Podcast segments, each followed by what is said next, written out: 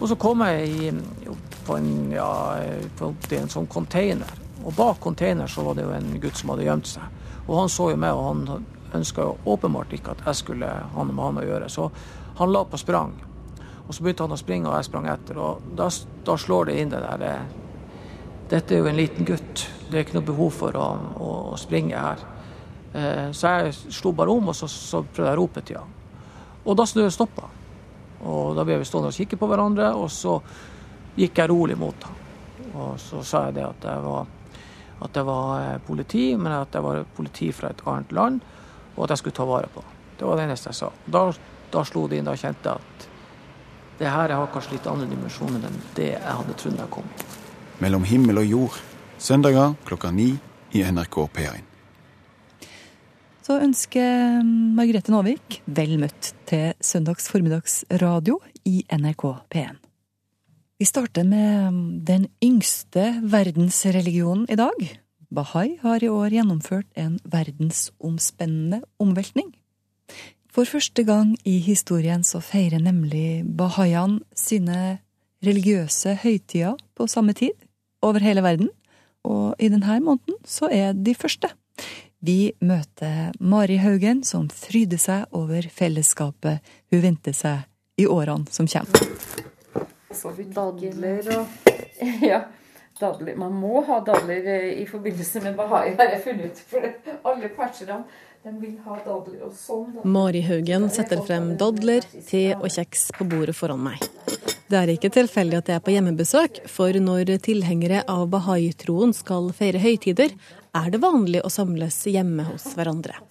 Vi skal ikke feire noe akkurat i dag, men denne måneden har det skjedd noe som får mye å si for høytidene i fremtiden.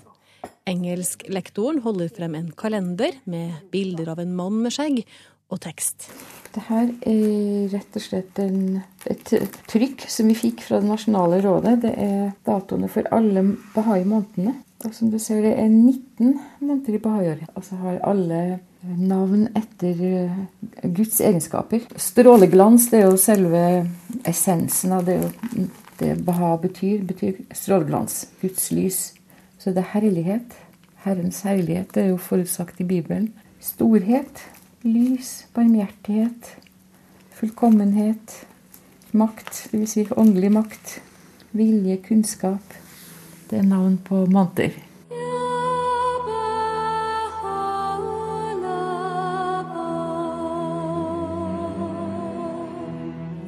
Trosretningen bahai er den yngste verdensreligionen. De tror at det til alle tider har vært bare én gud, én religion, og at Gud har sendt flere profeter, eller gudsmanifestasjoner, som de blir kalt. De har kommet gjennom ulike tider i historien og har navn som Krishna, Jesus, Buddha, Mohammed, Moses og mange flere. Bahaiene følger Baha-Ullah, den foreløpig siste av Guds budbringere, som ble født i Iran på starten av 1800-tallet. I løpet av et år er det en rekke høytider som skal feires, og for første gang følger alle Bahai-kalenderen. Den er viktig og har vært viktig alltid, men i år så blir den enda mer eh, viktig for oss fordi vi har eh, begynt å følge månekalenderen i forhold til feiring av de to grunnleggerne, Bab og Bahá'u'lláh, tvillingprofetene. Og det er helt nytt av i år. Hva gjorde dere før, før dere begynte å følge denne kalenderen? Eh, verdenssenteret i Haifa i Israel har fulgt eh, Babs kalender, eller som vi kaller den Bahai-kalenderen nå, da. Den har vært fulgt i mange år. Men eh, verdenssamfunnet for øvrig har brukt den gregorianske kalenderen.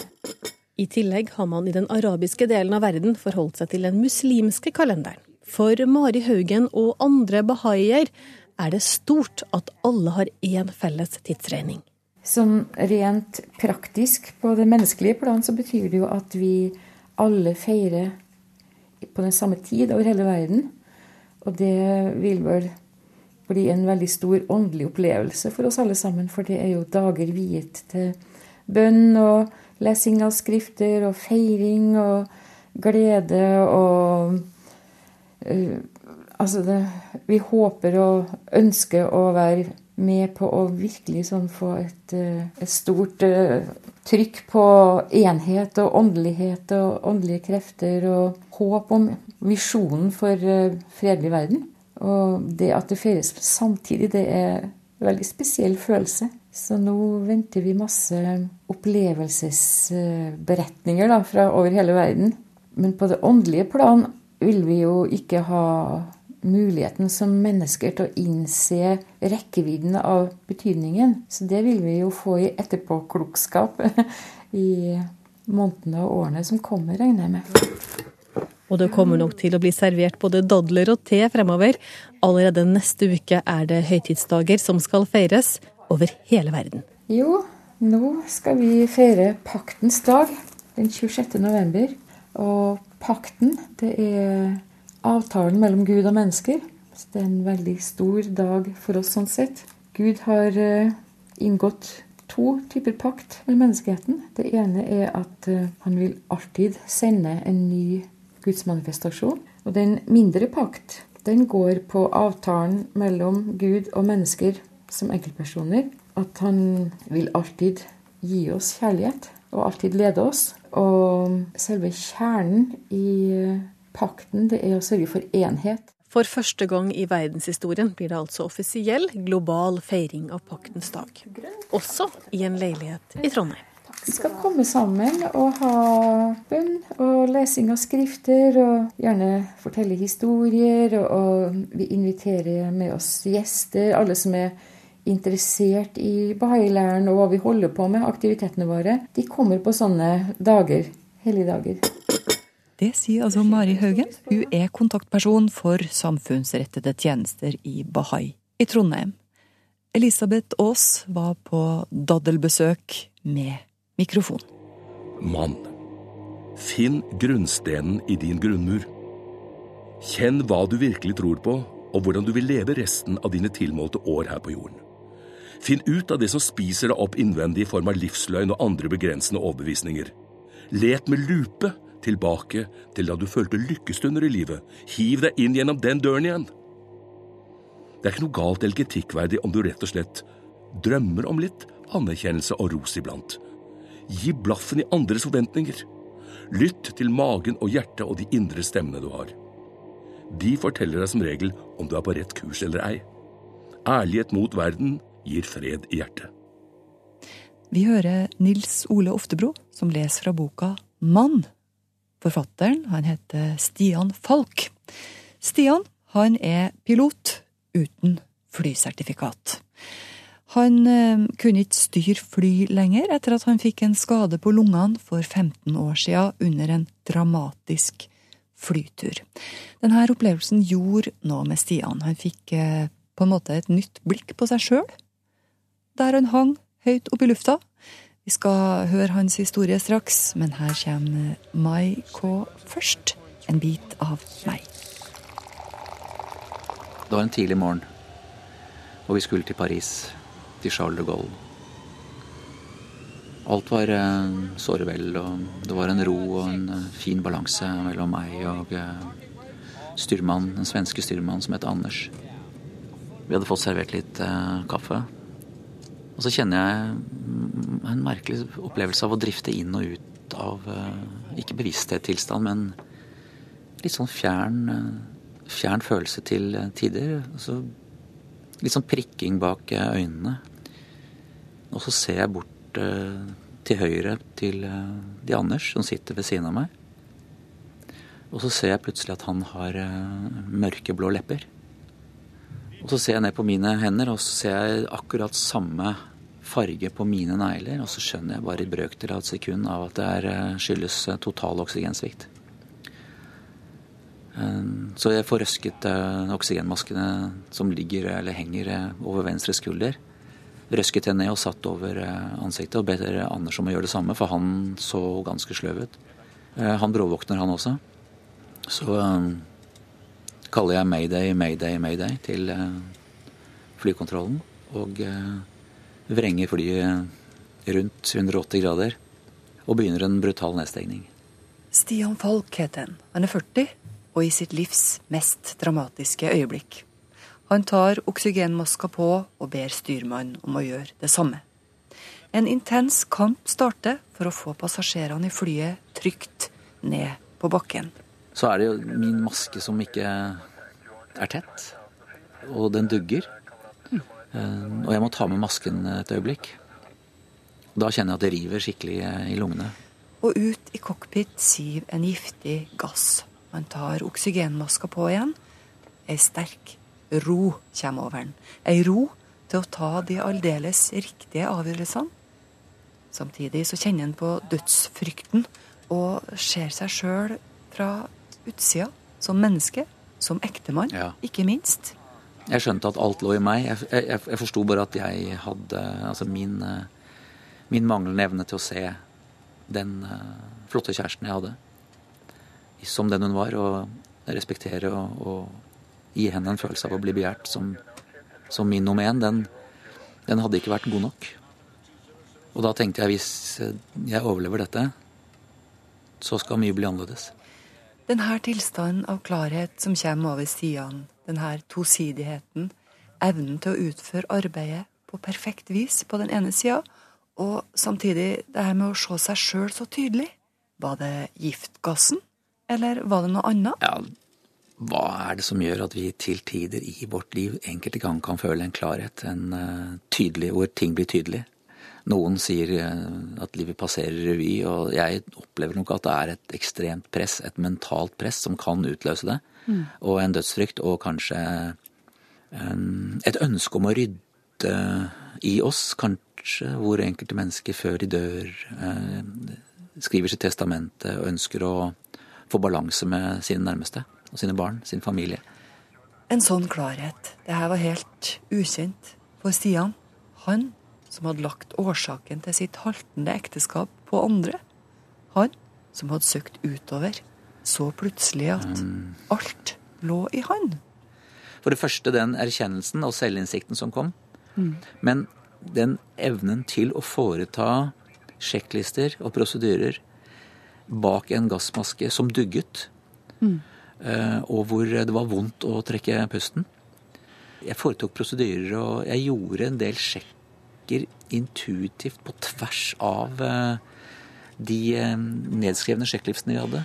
Eh, Det viste seg i ettertid at det var kloke vurderinger, og det var eh, effektive vurderinger jeg gjorde i forbindelse med utluftning, isolasjon og isolering av systemene om bord for å fjerne eventuelt mulige årsaker da, til eh, den gassen eller den tilløpet til brannen jeg trodde det var. Jeg opplevde at jeg betraktet hendene mine eh, fra et sted bak der øynene sitter. Og jeg opplevde å se meg selv fra utsiden. Og, og det, det var effektivt. Stian jobber intenst for å få alle passasjerene trygt ned på bakken, samtidig som han altså får et nytt blikk på seg sjøl. Det handlet masse om livet generelt, og det å kunne stå stødig med, i sin grunnmur som menneske. Og f.eks. behandle områder som eh, ærlighet og eh, respekt, og ikke minst eh, det å kunne tåle kritikk uten å falle av lasset, uten å vippes av pinnen. og Du sitter jo her nå, så det gikk jo bra. Mm, det gikk jo bra. Gikk det bra med alle? Det gikk bra med alle. Det som gjorde at jeg hadde denne enorme viljen til å overleve Jeg husker at det var eh, Det var bildet og filmen av min datter som heter Annik, som eh, kommer løpende mot meg med åpne armer og hopper opp eh, på meg hver eneste gang jeg kom hjem fra jobb. Ansiktet hennes, de smilende øynene og den åpne, de åpne armene som kommer løpende mot meg, det, det, det flashet kom igjen og igjen og igjen på vei ned. Men uh, mirakuløst så fikk vi landet uh, uten dramatikk. Det ble en kontrollert uh, evakuering på terminalen. På Torp eh, flyplass på Sandefjord som ble den som vi valgte. Mm. Denne hendelsen, Stian Falk, den gjorde jo noe med deg. Den forandra livet ditt, eh, sånn som du fremstiller det. Mm. Det her skal vi snakke om etter at vi har hørt på Jan Eggum. Ja, det er fint. Han Eggum er bra. Stian Falk, Ja. musikken er det du som har valgt. Det Ja. måtte bli en mann. ja. Vi hørte altså Jan Eggum. eh, Du har jo nettopp fortalt om den her dramatiske opplevelsen i flyet da Ja. du var pilot. Og du sier at det har gjort noe med deg. Og så, og så springer det ut et ønske om å være mann Mm. av denne opplevelsen. Ja. Og, og, du, og du snakker om denne urmannen. Mm. Hvem er det? Urmann? Ja, For det første så springer det ønsket om å, om å være en, et bedre menneske. Det, det, det som lytterne sikkert eh, husker fra forrige første del, så, så hadde det med en opplevelse av en indre svikt. Det Så ærlig vil jeg være å si. Og, så, og samtidig en opplevelse av eh, å bli redusert som rollemodell for barnet mitt. Mitt ekteskap det havarerte ulykkeligvis eh, like etter eh, denne hendelsen. Jeg ble også så syk i lungene. Jeg hadde dratt inn giftgass. giftgass. Så jeg våknet opp midt i livet. Jeg var 40 år, jeg var syk. Jeg mistet min jobb som flykaptein i SAS eh, redusert lungekapasitet. Jeg måtte levere inn flysertifikatene mine. Og jeg var alene. Og det er grunnen til at jeg ønsket å bygge en ny form for mann med en ny grunnmur. Og så er, det, er du spesielt opptatt av, eh, av den her urmannen. Vi må tilbake til det. Hvem er det? Ja, urmannen. Urmannen i, i meg. Min egen urmann, den tror jeg eh, kommer tydeligst frem når jeg tenker på den, de mannsinstinktene, de, de maskuline instinktene jeg har nedarvet, og som ligger der gjennom tusener av generasjoner før meg. Hvis vi går litt sånn konkret til verks, da. Og finner du en situasjon i et samliv som eh, illustrerer det her? Ja, la, se for deg da at du går i nærbutikken, og du har med deg en handleliste Som du sjøl ikke har som du skrevet? sjøl ikke har skrevet. På den står det fiskepinner, og så står det ferdig grillet kylling. Det er altså sett, sett i sammenheng med, med det urmannen har i seg, som kanskje ligger tilbake i, i jakt og kampen for å overleve. Eh, ferskt, mørkt elgkjøtt, for eksempel. Dampende, varmt elgkjøtt eh, som man selv har nedlagt. Så er det å lese på en handlelastlapp om fiskepinner og ferdiggilt kylling litt patetisk. Og så kan du bare frustrert tenke på artikkelen du har lest tidligere om morgenen. Om den frustrerte moderne mannen som ikke finner sin plass. Det må være instinktene og det intuitive i han. Som kjenner en eller annen sorg, en sånn stille sorg som fester seg der han går i, i, mellom reolene i den butikken sin. Og i bilen hjem, for eksempel, så Han er helt følelsesløs. Og han tenker, eh, og han er på vei hjem, og han har ikke lyst til å reise hjem i det hele tatt. Han, eh, han har en partner hjemme som, som virker frustrert og lei seg, eh, som bare langer ut kritikk og beskyldninger nesten uavbrutt. Og Men eh, hvis vi går tilbake til handlelista. ja, Hva gjør du som mann når du får denne følelsen, står i butikken, fiskepinner, ferdig grilla kylling? Er du med å skrive handlelappen nå, eller? Hvordan er det? ja. Er det som er trikset? Ja, nå tror jeg at kanskje før ideen skrives da, av min kvinne, så, så spør jeg vel om det er greit at vi kan kjøpe litt elg, eller kanskje noe ferskt kjøtt, da, i hvert fall. Så du må Altså, det handler litt om å, å si hva man ønsker òg, da, eller? Hmm, Det handler om å vise tydelig hva som er viktig, og hva som kan være en opplevelse av eh, livspurpose for en. Det er en, eh, en mening som er, etter min mening, viktigere enn forholdet. Viktigere enn kjæresteforholdet. Ja, for du oppfordrer jo rett og slett til å gå hvis ikke du får dette til å fungere. Ja, ja, jeg gjør det. Den prosessen for å bli en sterkere og tryggere mann, den krever mye. Den krever fordi den innsatsen legges for dagen. Den, den, den innsatsen gjøres på vegne av paret, og selvfølgelig for, for seg selv, men den eh, kraften som ligger der, som skal løfte paret opp og gi de to det beste av hverandre. Hvis ikke kvinnen verdsetter den arbeid, det arbeidet og den prosessen av, eh, som blir eh, utført av mannen, så oppfordrer jeg mannen, som du sier, til å forlate sin kvinne med, med rak rygg og ikke se seg tilbake. Men da er det viktig å prøve å engasjere seg i handlelista før, før, det, da. Ja, ja, det er viktig. Det sier altså Stian Falk, som uh, syns at han ser at menn strever litt med å finne plassen sin i familien, i samfunnet i dag. Han har uh, så skrevet ei bok til mannen, og den heter selvfølgelig Mann. Og ute på Facebook-sida vår så ligger det et bilde av Stian. Han har sagt at hvis du har noen spørsmål om det å være mann, eller noe du har lyst til å drøfte, så kan du skrive det under det bildet her, så skal han gå inn og svare på dem etter hvert. Og Facebook-sida vår den heter altså NRK Livet.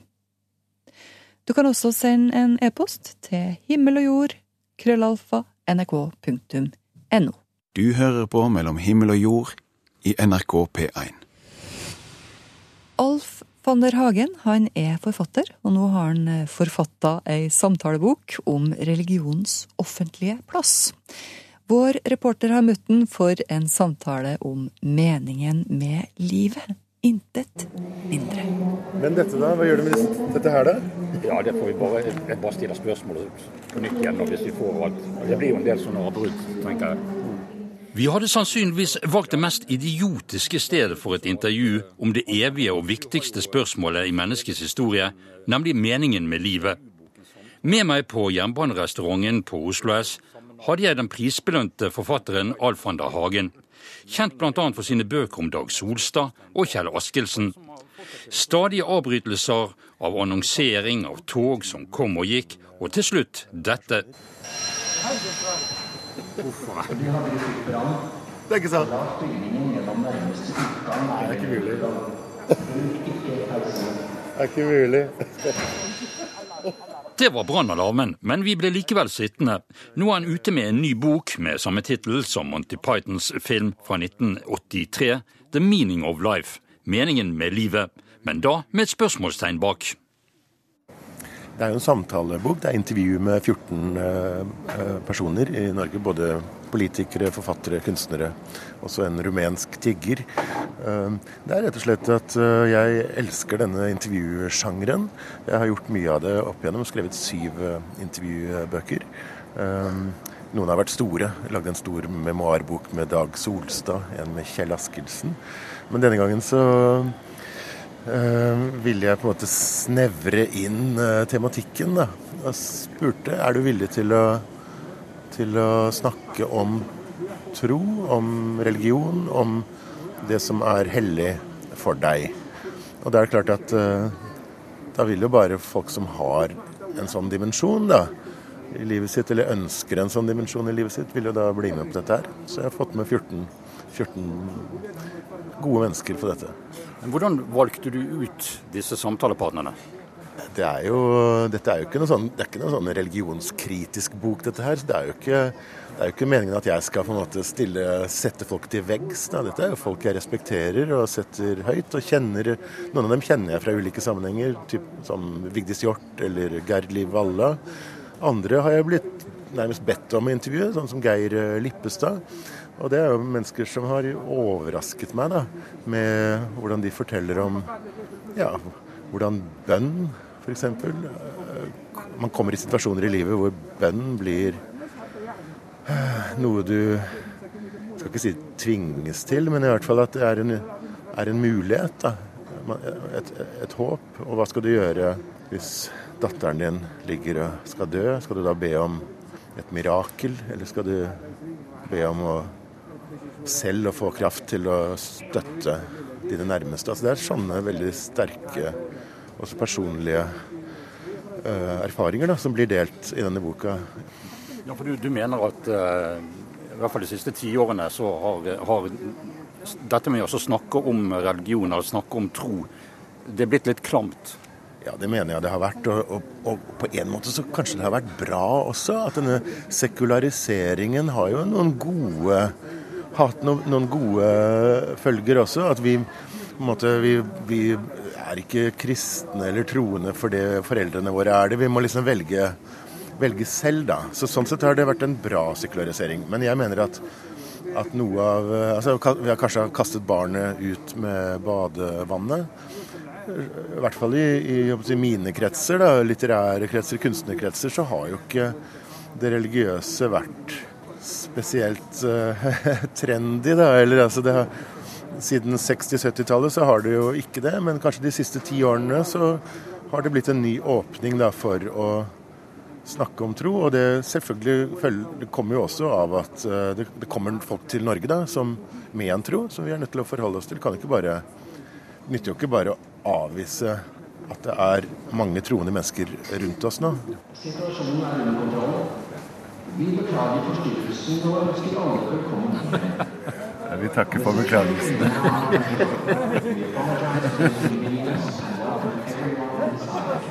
NSB er tilgitt. Ja, de er absolutt det. Eh, når du velger tema for disse samtalebøkene, er dette et tema som du er spesielt opptatt av, som du grubler på? Ja, jeg hadde ikke klart å lage sånne bøker hvis ikke det var uh, fordi jeg selv også var brennende opptatt av svarene. Uh, jeg har laget mange bøker om litteratur, om kunst, og det har vært nær sagt meningen med livet for meg i, i mange år. Eh, særlig etter at jeg eh, sluttet å tro. Eh, gled på en måte ut av en kristen tro. da. Ikke noe sånn, ikke noe sånn aggressivt brudd, men, eh, men liksom, jeg mistet lidenskapen for det. da. Så merker jeg at det er en slags rød tråd i mitt liv allikevel. At jeg kommer tilbake til disse spørsmålene. Man blir eldre, ikke sant. Blir over 50 år. og og får tid til å tenke. Og Det merker jeg også gjelder mange av de jeg snakker om. Det er Gerd Liv Valla f.eks., som har begynt å gå i kirken og, og begynt å spørre, stille spørsmål. Uh, og det hadde hun ikke tid til å gjøre før i tiden. Da. Er det noe som har overrasket deg gjennom de samtalene du har hatt med denne boken? Ja, det er mye som overrasker meg. Jeg tror det er mer tro der ute i dette landet enn det vi tror. Eh, og Det er jo selvfølgelig fordi vi går ikke rundt og snakker om dette til venner og kjente sånn til, til daglig. Det er jo privat, og, og, det er jo det dypeste i oss. Men det som overrasker meg, er jo at, at det er mange som ber. Det er mange som takker. Eh, det er mange som setter Bibelen veldig høyt. Eh, det er mange kristne som setter islam veldig høyt.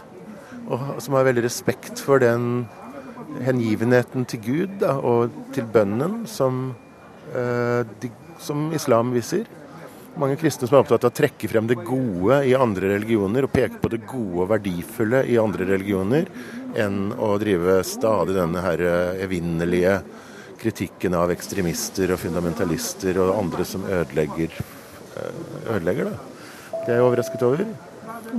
Og så er jeg overrasket over at det etiske og det ja, nær sagt politiske da, og det kristne for mange henger så, henger så sammen. da.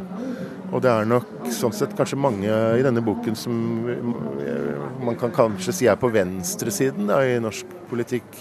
Eh, Vigdis Hjorth, Gerdli Valle, Erik Hyllestad, eh, Terje Nordby. Eh, men, men, som ser, en, ser en, eh, et fellesskap mellom det nestekjærlighetsbudet og solidaritetstanken. Ja, det, du sa jo selv at du, du, har eh, på en måte mistet troen på et tidligere tidspunkt. Er du i ferd med å få den igjen? Ja, jeg, jeg, jeg, liker å holde meg i nærheten av, av folk som tror.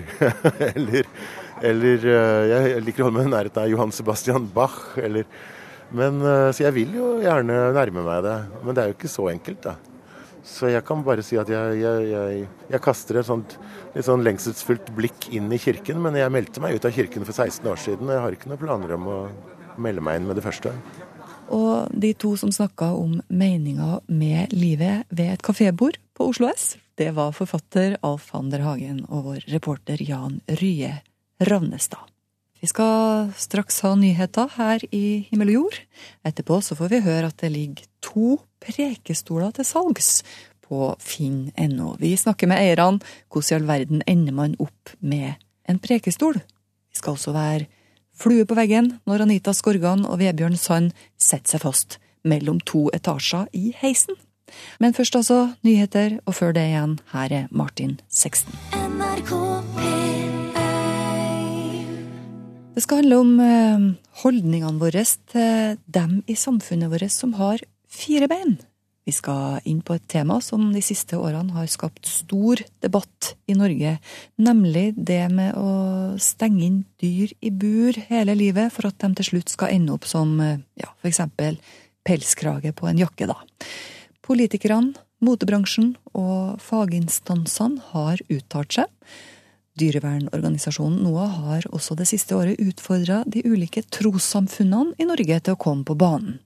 Spørsmålet de stilte, var kan religiøs etikk støtte det her med å stenge levende individer inne i bur på livstid?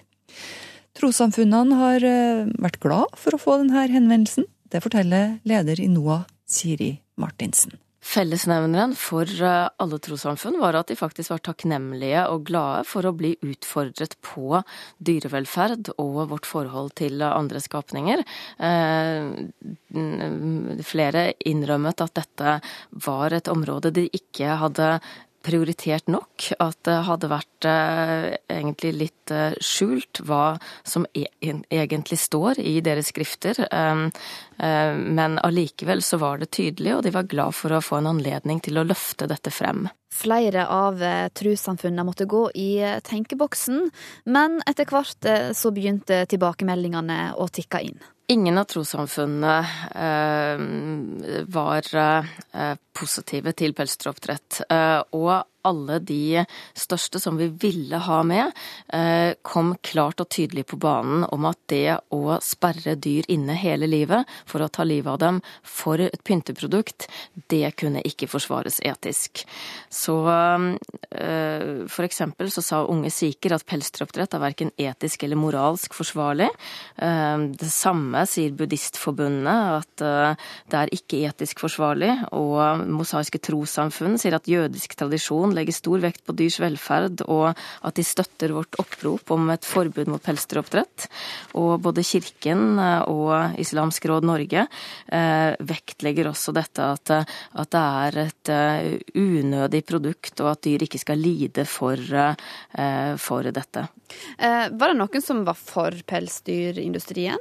Nei, det var ingen som var for. Men var det noe som var litt mer romsligere i det de sa? Altså at noen var kanskje mer klar, andre var litt romslige i svarene sine? Nei, alle var faktisk veldig klare av de som eh, svarte. Og så er det jo noen eh, mindre samfunn som ikke har svart ennå, men som eh, allikevel har vært takknemlige for utfordringen, men følte at de trenger litt tid. Mm. Går det an å nevne hvem det er? Vi eh, har eh, tenkt at vi ikke skulle nevne hvem det er, fordi vi ikke ønsker å, eh, å gi inntrykk av at de eh, eventuelt da eh, har en eh, annen mening, i og med at de ikke har kommet med dette ennå. Men jeg kan jo nevne at Human-Etisk Forbund da Eh, ønsket å bruke mer tid, rett og slett av organisatoriske hensyn, og sa at de ville komme tilbake til oss eh, til eh, neste år, faktisk. Et trossamfunn har òg tatt spørsmål om dyrevelferd videre. Kirken Eh, tok jo også dette videre og arrangerte sitt første dyrevernseminar, hvor de da eh, bl.a. inviterte NOAH til å holde et innlegg, og også inviterte ulike prester og eh, teologiprofessorer til å løfte frem hva teksten egentlig sier om hensyn til dyr. For det er jo en hel del når man ser nærmere på det. Vet du om det skjer noe mer på den fronten nå? Ja, de ville videreføre dette og lage materiale som, eh, som omtalte eh, kristendommen og kirkens eh, forhold til dyrevelferd og, og menneskers ansvar for, eh, for, å behandle dyr bra. Og, eh, og, og, dette var da en følge av det seminaret at de også ønsket å utarbeide informasjon på samme måte som de har gjort i forhold til miljøvern. Det er mange som har snakka om dyrevelferd og pelsoppdrett i media. Politikere, motebransjen og ulike faginstanser har vært på banen og gitt sitt eh, synspunkt. Men hvorfor mener egentlig Siri Martinsen og NOAH at det er viktig at òg trossamfunnene forteller om hva de mener? Trossamfunn samler jo mennesker på samme måte som, eh, som også partier og, og, andre aktører samler mennesker. Men trossamfunn samler også mennesker nettopp fordi eh, det skal være altså Nettopp fordi mennesker ønsker som leveregler. Og det finnes jo selvfølgelig mange ulike leveregler, men det, det det handler om, det er jo nettopp dette med etikk. Hvordan er menneskets rolle? Hvordan er menneskets rolle overfor hverandre, og hvordan er den overfor resten av verden. Og da mener vi at eh, resten av skaperverket, for å bruke et ord som, som også går igjen i, i flere eh, trossamfunn, dette med eh, naturen og dyrene, det er en veldig viktig del av det vi mennesker da forholder oss til, og det er viktig hvordan vi forholder oss til de andre skapningene. Um, og uh, derfor syns vi at det var viktig at trossamfunnene også kom på banen i større grad uh, generelt når det gjelder dyrevelferd, men pelsdyroppdrett var et veldig eh, viktig eksempel i så måte, fordi det på en måte illustrerer eh, noe av ytterpunktene i hva vi mennesker har tillatt oss å gjøre mot dyr. Ja, Siri Martinsen hun ble intervjua av vår reporter Camilla Kjønn Tingvoll. Hovedetasje. Dørene åpnes. Hvis du skulle bli stående fast i heisen mellom to etasjer, hvem ville du da ha stått fast med? Det nærmer seg en ny runde med TV-serien I heisen. To personer som ikke vet noe om hverandre på forhånd. De møtes i en heis. Og den heisen den stopper da tilfeldigvis mellom to etasjer. Heisen begynner å gå igjen, først når de har besvart noen av livets store spørsmål. I det første programmet så møtes Anita Skorgan og Vebjørn Sand. Og her får vi en liten smakebit.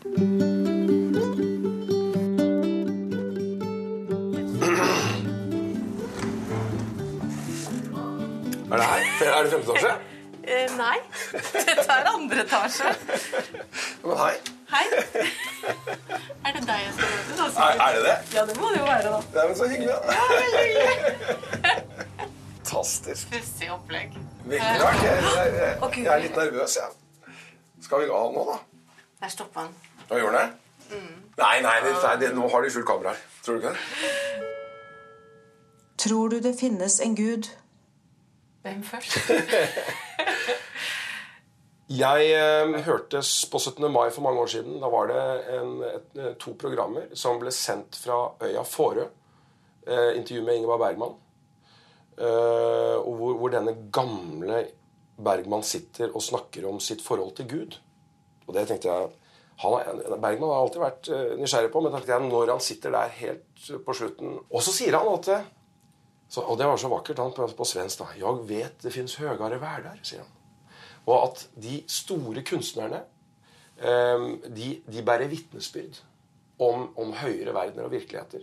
Og så, og så kommer han med dette vakre eksempelet som vi alle kjenner. og at eh, Man snakker om Johan Sebastian Bach. Det er som harmonier som er, kommer fra, matematiske, universelle formler. Som, så at, at eh, Bach spiller firhendig med Vår Herre. da. Så, så, så for meg så er det, når jeg har hatt mine største åndelige opplevelser, det er i, i møte med kunsten. Gjennom kunsten så opplever jeg eh, et gudsnærvær. Eh, så jeg er helt overbevist om, altså i, i beste stunde, for det er vi kommer inn på tro og tvil, altså det er jo snakk om et trosforhold. Man, man kan jo ikke vite.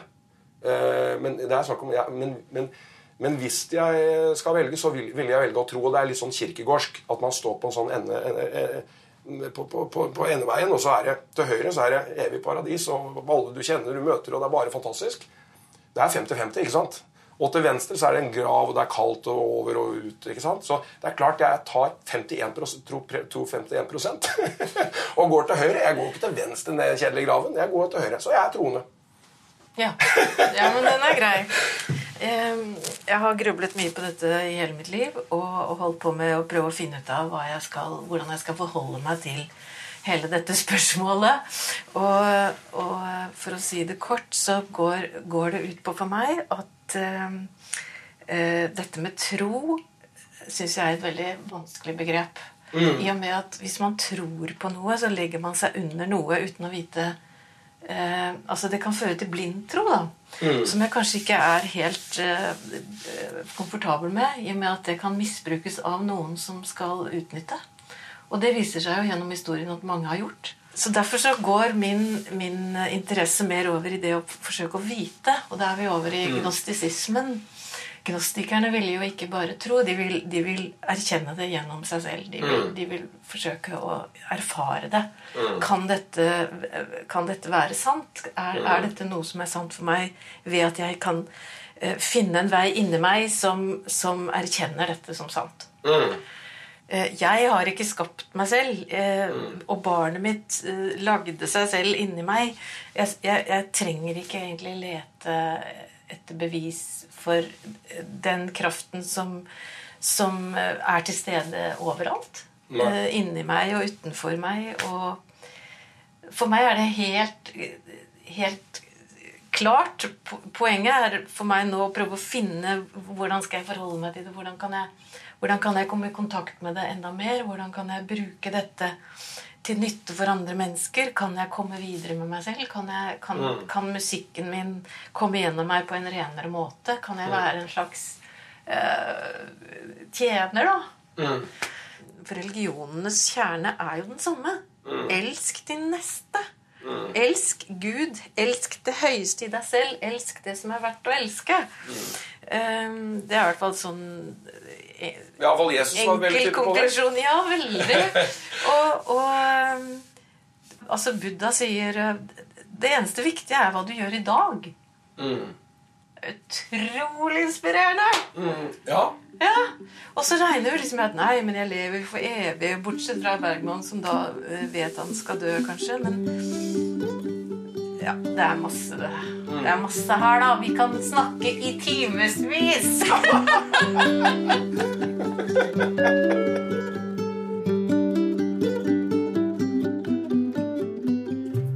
første program av E heisen det sendes førstkommende torsdag klokka 22.30. På TV også, i NRK1.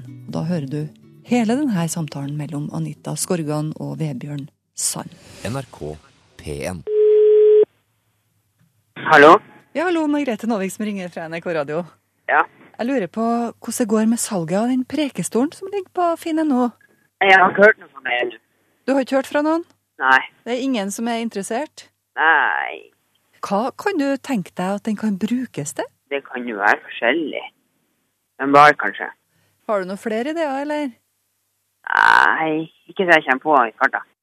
Mm. For litt siden så fikk vi tips om at uh, på finn.no, sammen med Jusmaskiner, karosserideler, brukte felger og fondysett, så var det en prekestol som lå ute for salg. Det her er Per Prest, på vei opp på prekestolen i Selbu kirke. Kjære menighet. Er det sånn at presten ikke bruker prekestolen lenger? Hvordan er det med Per sjøl? Bruker han den? Ja, jeg bruker den når det er mye folk her. For uh du vet, Moderne prester vil jo helst stå nedpå her. Men eh, hvis du har prøvd å sitte bak i kirka når det er mange folk, så skjønner du at prekestolen er nyttig. Mm. Ja. ja. Du når fram, og du vises. Og... Når frem og vises. Og så vet du at før det kom ordentlig høyttaler her, så har, jo, så, så har den jo en akustisk funksjon òg. For eh, når du kommer opp i høyden så høres du bedre. Og så tillegg så har du baldakinen over her, som en sånn, en, eh, som, sånn som en musikkpaviljong, som reflekterer lyden ned til folket. Oh. Ja. Og Oppi baldakinen ser du Helligånden som svever som en due og skal hjelpe presten til sine forstandige, da. Men du, du sier moderne prester. Her er det noe som har forandra seg, da? Det er jo det. Det er jo det. Du vet, Før så skulle man stå oppi der og deklamere med, med sånn malmfull røst, ikke sant? Per, som heter Kvalvåg til etternavn, han snakker til menigheten og seg sjøl fra Prekestolen. Han forteller at eh, denne innretninga kom for fullt med Martin Luther og reformasjonen. Ordet ble tillagt større vekt enn opplevelsen, og med det så ble Prekestolen viktigere. Og med årene så ble den høyere og høyere, denne prekestolen. Og det kom flere endringer. Prestekjolen skifta. Den gamle prestekjolen med hvite kjolen med sånne striper på, den kom bort. Og så begynte prestene å bruke det som var den tida sin professordrakt, nemlig svart kjole med pipekrage. Det var professordrakten, det, for nå skal det være forelesning. Du vet, eh, etter reformasjonen så skulle det ikke være ritualer og hokus pokus. Da skulle det være utleggelse av evangeliets innhold. Da var det forelesning, nærmest. Ja. Det er litt- kikker du mye på ansiktene i, i kirka her sånn når du snakker? Det er klart jeg gjør det. Ja. du merker jo om du sier noe som fenger, vet du. Mm. Det er noe med hvis at, hvis at de virkelig blir grepet av det du sier, så da blir det stilt på en helt spesiell måte. Og når jeg står på prekestol nå, så er det jo på en måte Oppgaven min er å komme med et ord som er større enn meg sjøl. Komme med et budskap som Ja, jeg snakker til meg sjøl òg når jeg står oppå der. sant? Men du, nå ligger det altså to sånne ut på finn.no, prekestoler. Til salgs? Salgs. Kan fint brukes som bardisk, sto det. Ja, ja, ja. ja. Hva syns du om det? Jo, eh, det er sånn I og for seg er det ikke noe i veien for det, så lenge kirkerommet er avvigsla, og så lenge det ikke er ekstremt religiøse symboler som betyr mye for oss. Sånn emne korset og Jesusbildet og sånn trenger jo ikke akkurat og det kan få lov å være der det er. Kirkekunsten er jo nettopp laga for å trekke oss inn i det herre det herre dramaet, fortellingene. Du vil ha den i kirka? Jeg vil helst ha det i kirka, ja. Men altså De herre møbeldelene, det er jo mye fine eh, utskjæringer og greiene på det her. Det er jo fine møbler. Det er jo synd å hive dem. Per prest og jeg går ut av kirka. Jeg skal bare slå av lysene. Jeg kjører tilbake til kontoret i Trondheim. Surfer litt eh, rundt på finn.no og finner den andre prekestolen. Og jeg lurer på hvordan i all verden ender man opp med en prekestol? Jeg kjøpte den for å ha den i, i stuen, for jeg, hadde, jeg trengte et møbel, holdt jeg på å si. Det var, jeg hadde visse restriksjoner. Den skulle ikke brukes som bar, og ikke brukes til noe ah, holdt jeg på å si, noe som kunne virke eller uverdig for prekestolen. Ja, Men ble den brukt, ble den brukt til å preke, eller hvordan var det? Nei, det var det ikke. Men det var i noen anledninger, som det var når vi hadde et jubileum. Og da ble det faktisk brukt. Og det ble ikke misbrukt, men det ble brukt som en prekestol, men ikke som Guds, eh, til Guds ære. Det var privat, men det var ikke noe sånn rølpete som ble brukt. For det, der satt vi visse kriterier. At det skulle vi ikke ha. Er det litt sånn at når man snakker fra en prekestol, så får ordene litt mer vekt, sjøl om den står i en stue? Ja, det gjør det. Du, og du, du retter deg mer opp. Jeg føler liksom når jeg står der, så står jeg som jeg har på meg bunad. Du får en litt sånn respekt og, og verdighetsfølelse. Du, og du blir ærbødig når du står der, det må jeg si. Jeg har en veldig veldig gammel bibel som ligger oppå deg, og den er fra 1700-tallet. Og jeg har også masse bilder som jeg har hatt rundt der. Så lagd et sånt lite, hvis jeg kan kalle det sakralt hjørne, holdt jeg på å si, rundt, rundt den. Hvem kan tenkes å ha bruk for en sånn en, tenker du? Ja, det er det, det er det jeg tenker på. Jeg har hatt noen henvendelser som jeg ikke har vært interessert i å Eller ikke mer enn to, da, som jeg ikke har vært interessert i å, å selge den til. Hvor er vi hen i landet nå, da? Nå er du på, på Brødsøy, på Hvasser, eller Tjøme, da. Tjøme kommune. Akkurat. Men nå får du jo litt ekstra publisitet eh, i NRK P1, da. Kan jo være at du får noen henvendelser nå. Ja, det skal du se. ja. ja. Lykke til med salget. Jo, takk for det. Ha det godt. Det sier prekestoleier Gro Hagen i Tjøme kommune, Hvasser nærmere bestemt. Og ble du veldig inspirert av eh, Gro nå, så kan du jo bare gå inn på finn.no og søke på prekestol. Det er jo også en Raga Rockers låt som Anja Skybekkmoen har lagt stemmen sin på. Og når vi snakker om hat, så kan vi jo også med det samme snakk om kjærlighet. For har du hørt om The Muslim Trust Experiment? I det siste så har en video fra gata i Stockholm gått rundt på sosiale medier. I denne videoen så står Ashkan, som er en skjeggete muslim.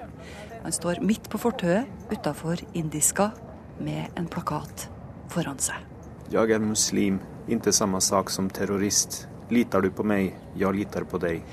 Ashkan han har bind for øynene. Han står med åpne armer og venter på en klem. som mange andre muslimer har gjort før han over hele verden de siste månedene. Det tar litt tid, folk senker farten og leser plakaten hans. Litar du på meg? Jeg litar på deg. Så er det en som tar mot til seg og går bort og klemmer Arskan. Klart jeg litt på deg. Sånn. Det løsner. Og en kram av en tjej. En muslimsk tjej dessutom. I'm not Muslim, but I respect. Det her er smittsomt. Flere tør å vise han tillit. Du kommer og krammer deg. Er du beredd? Det blir mange klemmer. 142 faktisk, denne dagen på gata i Stockholm. Jeg kjenner kjærlighet fra deg. Før Ashkan pakker ned plakaten sin og bindet han hadde foran øynene, og drar hjem til seg sjøl. Mellom himmel og jord, NRK P1. Viktig å få med seg. Jeg ødela akillesen på tennisbanen helt i begynnelsen av februar. Så var det inn og ut av sykehus fordi jeg eh, var litt rask på avtrekkeren i forhold til å begynne å trene og komme meg ut igjen. Og det var en påkjenning både fysisk og psykisk. Så hun stilte opp med alt fra overraskelser til eh, TV-serier til gode samtaler. De har vært bestevenninner siden første klasse på barneskolen, Silje Tonning og Karoline Alstad. Så jeg trenger liksom ikke å si hva jeg ønsker meg. Altså Jeg trenger ikke å si konkrete ting. Hun kommer med f.eks. de sjokoladene jeg er glad i, eller de bladene jeg liker å lese. Eller Jeg trenger ikke å nevne på det, hun bare kommer med det. Hun veit det? Ja, hun vet det, fordi hun kjenner meg så fryktelig godt. På 17. mai f.eks. så Venninnene mine visste jo at jeg er veldig glad i å feire 17. mai. Og det blir jo ikke noe champagnefrokost den 17. mai her. Men de to venninner kom inn, og så tok de med seg champagne og tapas og norske flagg og hadde pyntet seg. Og så tok de og trilla senga mi ut utenfor sykehuset, fordi jeg hadde jo strengt sengeleie. Så jeg kunne, ikke, jeg kunne ikke engang sitte i rullestol. Så de måtte trille hele sengen ut, og så satt vi utenfor sykehuset i senga og hadde champagnefrokost der. Himmel og jord, det er ikke bare på radioen. Vi er på podkast også. Du kan laste oss ned uten musikk hvis du skulle ønske det. nrk.no podkast. Og det kan faktisk være at vi legger noe i den versjonen som du ikke hører på radioen. Ellers så har vi en e-postadresse. Himmel og jord, krøllalfa, nrk.no. Og du finner oss på Facebook på NRK Livet. Hør flere podkaster på nrk.no podkast.